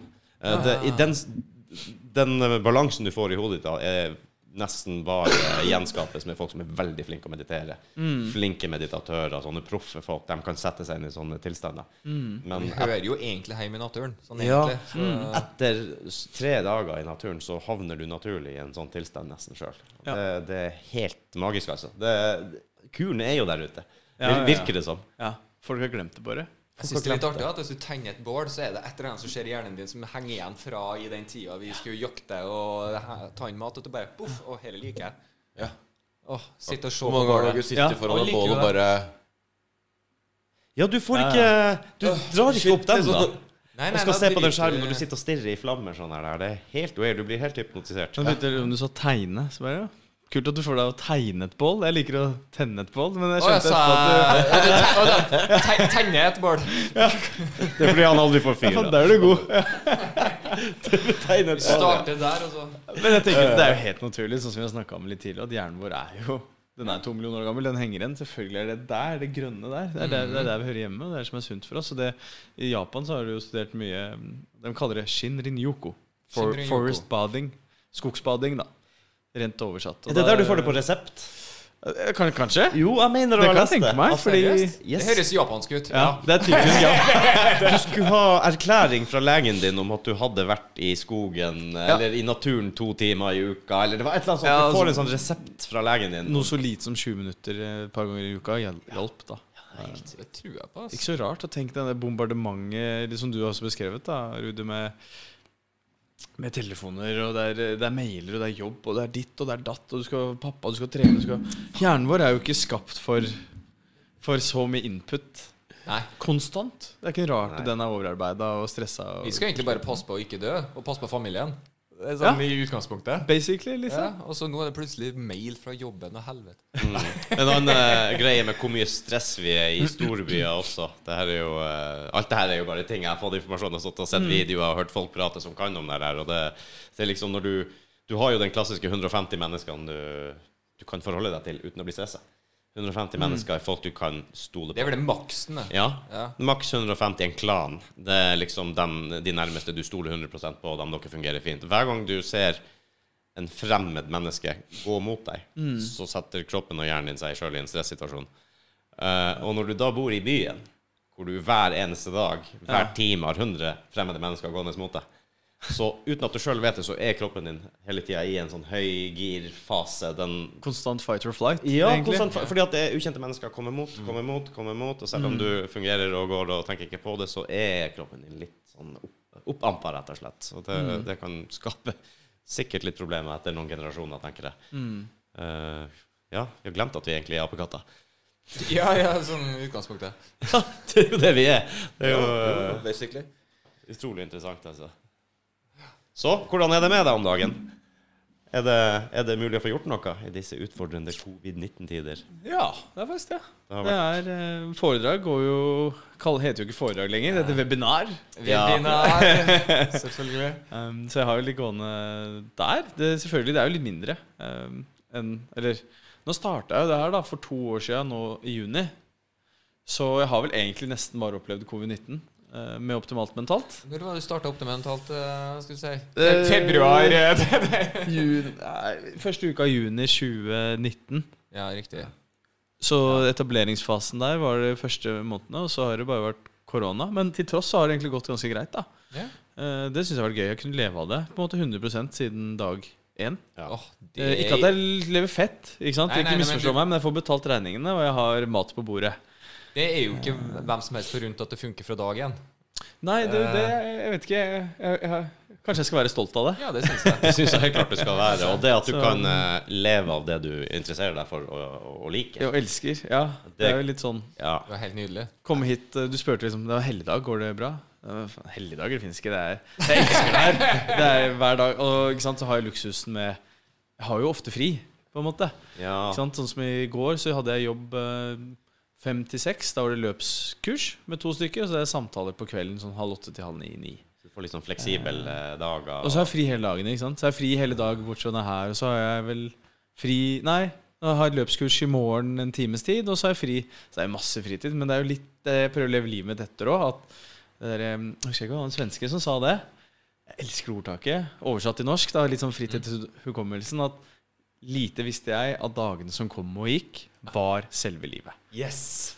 Hvem Ja. ja. Mm. Det er en svenske. Yes, Google jeg- it. Ja, jeg vet akkurat hva du mener. Jeg har hørt den mye Men litt den den er der- Lite visste jeg, ja. Ja, Hvorfor skal jeg stresse med å tjene mest mulig penger hver dag? Det har jeg penger til altså behovene, de grunnleggende behovene. Så er, det finnes jo ikke noe bedre enn å ha den friheten til å ja, gjøre litt Ja. hva du vil når du vil, og heller ha litt mindre penger. Fordi mm. pengene er bare en fantasi om at det, det er noe penger Penger er noe vi mennesker har skapt, da. Ja.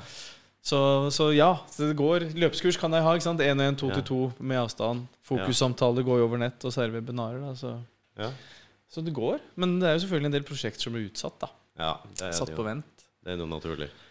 Men eh, Nei, alle har jo utfordringer. Det er som du sier, webinar og Teams og eh, alt det her. Det har blitt det nye. Har du noen nettsider eller noe sånt? Det har jeg. Ja. www.optimaltmentalt.no. Det er lenge siden jeg har hørt han gått. VVV. Optimentalt optimalt Optimentalt! Optimaltmentalt.no. Ja. Er ikke det kortversjon? Det er kortversjonen. Ja, ja, men det, jeg liksom elsker at du kjørte www. Det, det, det er i starten. Er lenge jeg har hørt. det legger seg på minnet, vet du. Det var til meg som hadde inn med T-skjorte. Jeg skal ja, søke det opp. riktig. Da må jeg vite om det var Så Du kan jo vel faktisk bare skrive navnet, og så kommer den VVV-en ut av seg sjøl? Ja. Ja, eller at det bare starten måtte du vel kjøre måtte du må- vel skrive det? Ja, jeg tror det. Ja. Før måtte det, vet du. Du, måtte, du kunne få bare skrive inn .no eller .com der, og så bare mm. Å ja, jeg glemte www. Det, det er jo ikke Så helt, helt til starten måtte du vel ha med HTTP òg? Skråstrek, skråstrek. Ja. Ja, Ja, slash, slash, det håper jeg ikke. ko- Kolon slash slash eh, yes. Ja, du var tidlig ute, ass. Det skjønner jeg. Og er til faren oppfor internett. vet du. Ja, faren jo oppfart jo internett, stemmer det? Det var ganske tidlig. Jeg tror vi hadde internett uh, Når jeg var ti Ti, tolv, tolv Ja, i hvert fall tolv. 12, da er vi på tidlig 90-tall. Ja, veldig tidlig. Ja. ja. Ja, det husker jeg morsomt om farsan. Var alltid onkel Bjørn hvis det var noe Han kunne ja, alt, ja, alt om internett. Han, han kunne det der. Eller data og sånt. Ja, ja, ja. Mm. Så der var han tidlig ute. Men jeg fikk ikke lov. Nei. Jeg, Skummelt. vet du. Han så faresignaler. Ja, Ja. det Altså, det. Steve Jobs nekter jo barna sine å drive med iPad. ikke sant?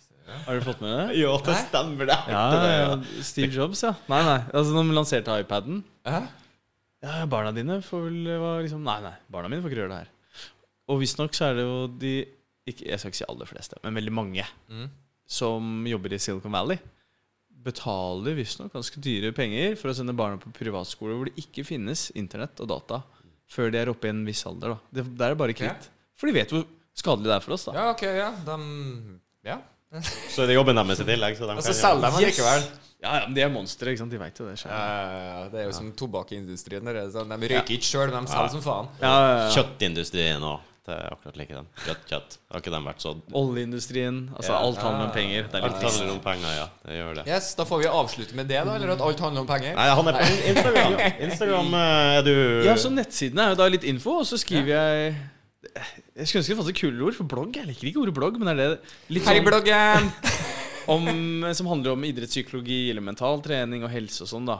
Eh, Ja. Litt sjelden. Jeg skriver ofte litt lenger. Det tar jo litt tar ofte et par-tre timer.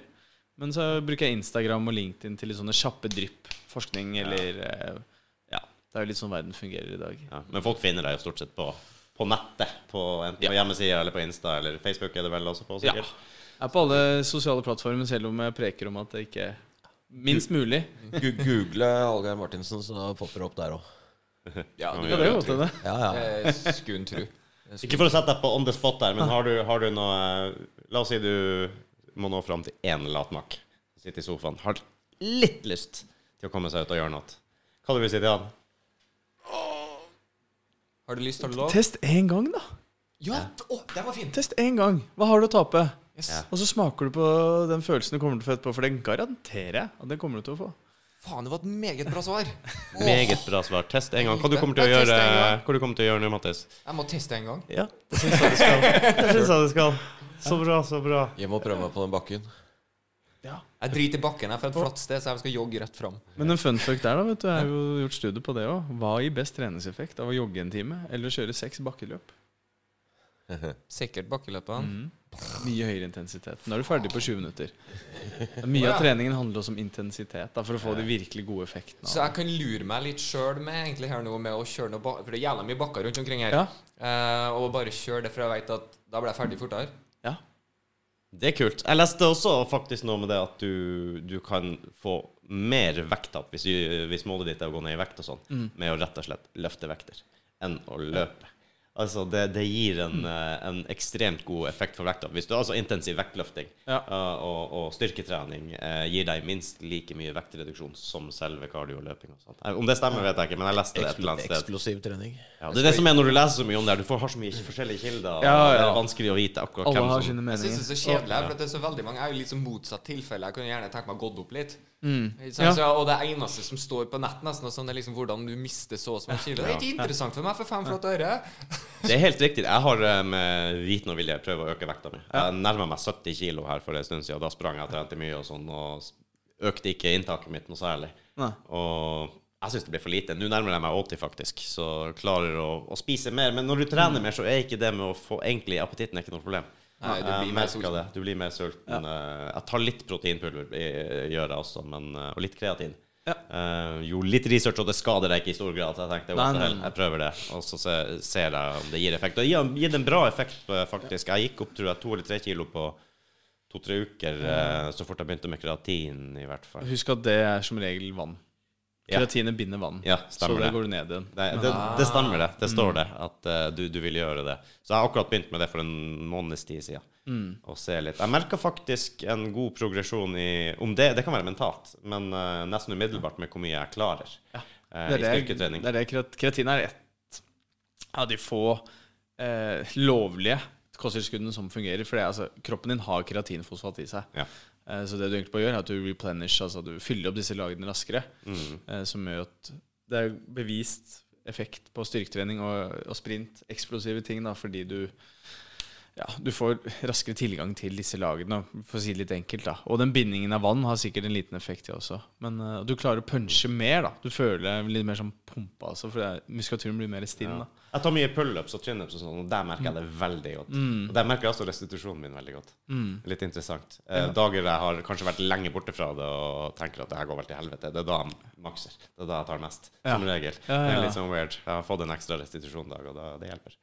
Ja. Da er du litt på plussen nå. Ja, men så tror jeg det er motsatt. Fikk ikke jeg tatt det på to-tre dager. Ikke sant? Jeg har sikkert falt ned. Men det var jo en kjempespennende studie nå. Eller jeg så dem, eh, Kort, kort, kort fortalt. De kjørte en gruppe på styrketrening. Og så var det én gruppe som skulle trene en tredel av dosen, en niendedel av dosen, og den siste gruppen var på D-training. Trente ikke. Det, det verste var at den gruppen som da etter Jeg tror det var Igjen, ta tallet med en klype salt, men det var en tolv ukers intervensjon hvor de trente. Og så fulgte de dem i flere måneder etterpå. Den gruppen som trente en niendedel av dosen, de ble sterkest. Det er mindfuck. Det er mindfuck, ja. Explain that, liksom. Ja. Og konklusjonen er vel at uh, gjør litt Less is more. Less is more. is ja, more. men kom deg ut, gjør litt. Det blir ikke verre uh, enn det du har i dag, hvis du ikke gjør noe. Nei. Og så får man prøve å finne 20 sin egen minutter i uka. Ja, 20 minutter i uka. Det er jo bedre enn null minutter i uka. Ja, så, det er sånn det. Så, Ja, men det er det. Så får man Det prøve å finne motivasjon i det man trenger, om det er for at du vil være der for familien din, Ja. eller om du Og vet du hva som irriterer meg litt? Nå må vi vel sikkert begynne å runde av snart. Tida har flydd. Ja, men egentlig, men det har ikke noe jeg å si kjenner jeg blir selv på. veldig provosert av Og det, det, det blir fronta så mye i TV at Det var så hun dama i den der Et fett liv med han eh, på NRK. Nei, Det er ingen studier, det er ingen forskning som viser at å trene hjelper deg å gå ned i vekt. Ingenting. Hæ? Og det ble jeg sånn Oi. ja, men Hæ? faen heller, da må du nyansere. Jeg, jeg, synes jeg, jeg er ikke eksperten, jeg bare har Nei, mine nei, nei, nei. tanker rundt det. Det er jo Ok, vi gjør hit-trening, high intensity interval training, det kan holde med da to minutter med høy intensitet, ett minutts pause. To minutter på, ett minutt av, i opptil 20 minutter. Så har man gjort målinger. og de har doblet fettforbrenningen sin i 24 timer etterpå, f.eks. Um, eller NTNU gjorde en, en studie på eldre mennesker. Det ene skulle følge kost, eh, ikke kosthold. Eh, regjeringens sånn eh, Hva heter det? Nå er det jernteppe. Eh, skjønner hva du mener. Bevegelse 150 meter i uka, Ja, som der, by the ja. way har blitt økt til 300. Og, litt sånn, da. og, og en gruppe da som skulle trene med høyintensitet over 140 puls. Uh, og de med over 140 puls de levde jo også lenger. Liten sidetrack, da. Men mye handler om intensiteten. Så hvis jeg veit at hvis jeg trener med litt høy intensitet, og får brent da fire, fem, seks Hvis jeg jogga en hard time, en 1000 kalorier forbrent, hvordan kan du si at det ikke hjelper meg å gå ned i vekt? Jeg tror det handler mer om at folk tar valgene etterpå. Og nå har jeg trent, så nå kan jeg spise mer, eller Det er bare min tankegang, da. Fordi du får brenne mer ved å trene. I hvert fall ved høy intensitet. Og hvis du spiser riktig i tillegg, så nekter jeg å tro på at du ikke vil hjelpe deg å trene for å gå ned i vekt. Det Høres i hvert fall utrolig rart ut. Det er jo konterintuitivt, eh, det hun dama sier. Ja, men jeg har hørt det så mange ganger nå, og det blir fronta så mye.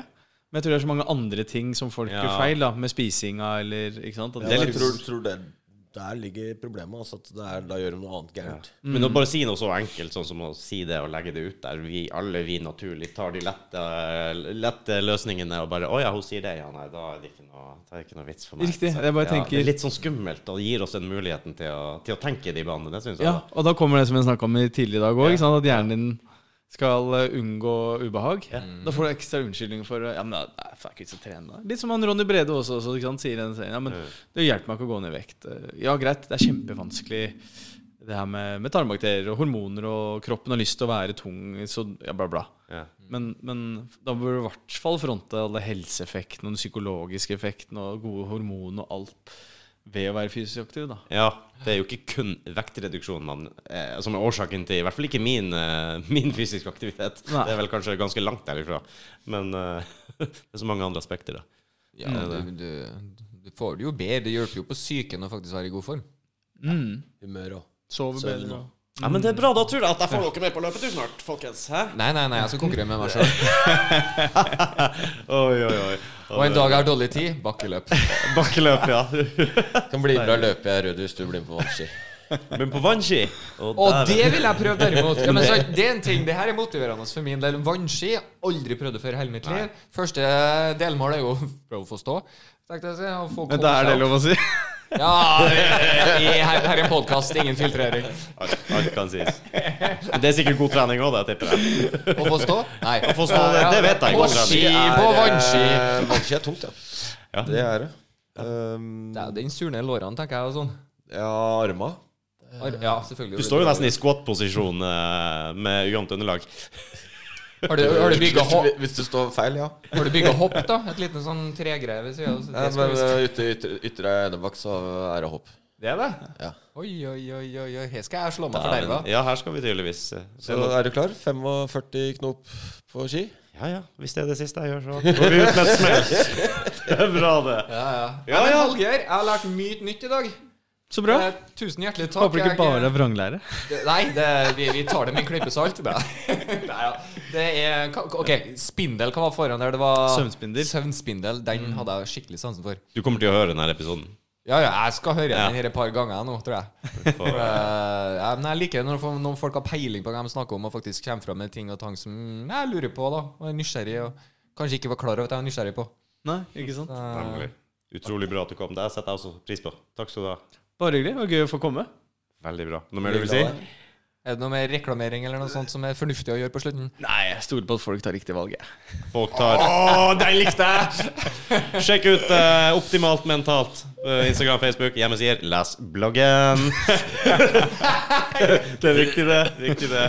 Og ikke minst sjekke våre ting òg. Facebook, Instagram osv. Ja, videre det har vi òg. Riktig, det. Dårlige venner. Jeg ser alltid i feil kamera. Hei. OK, greit. See you later.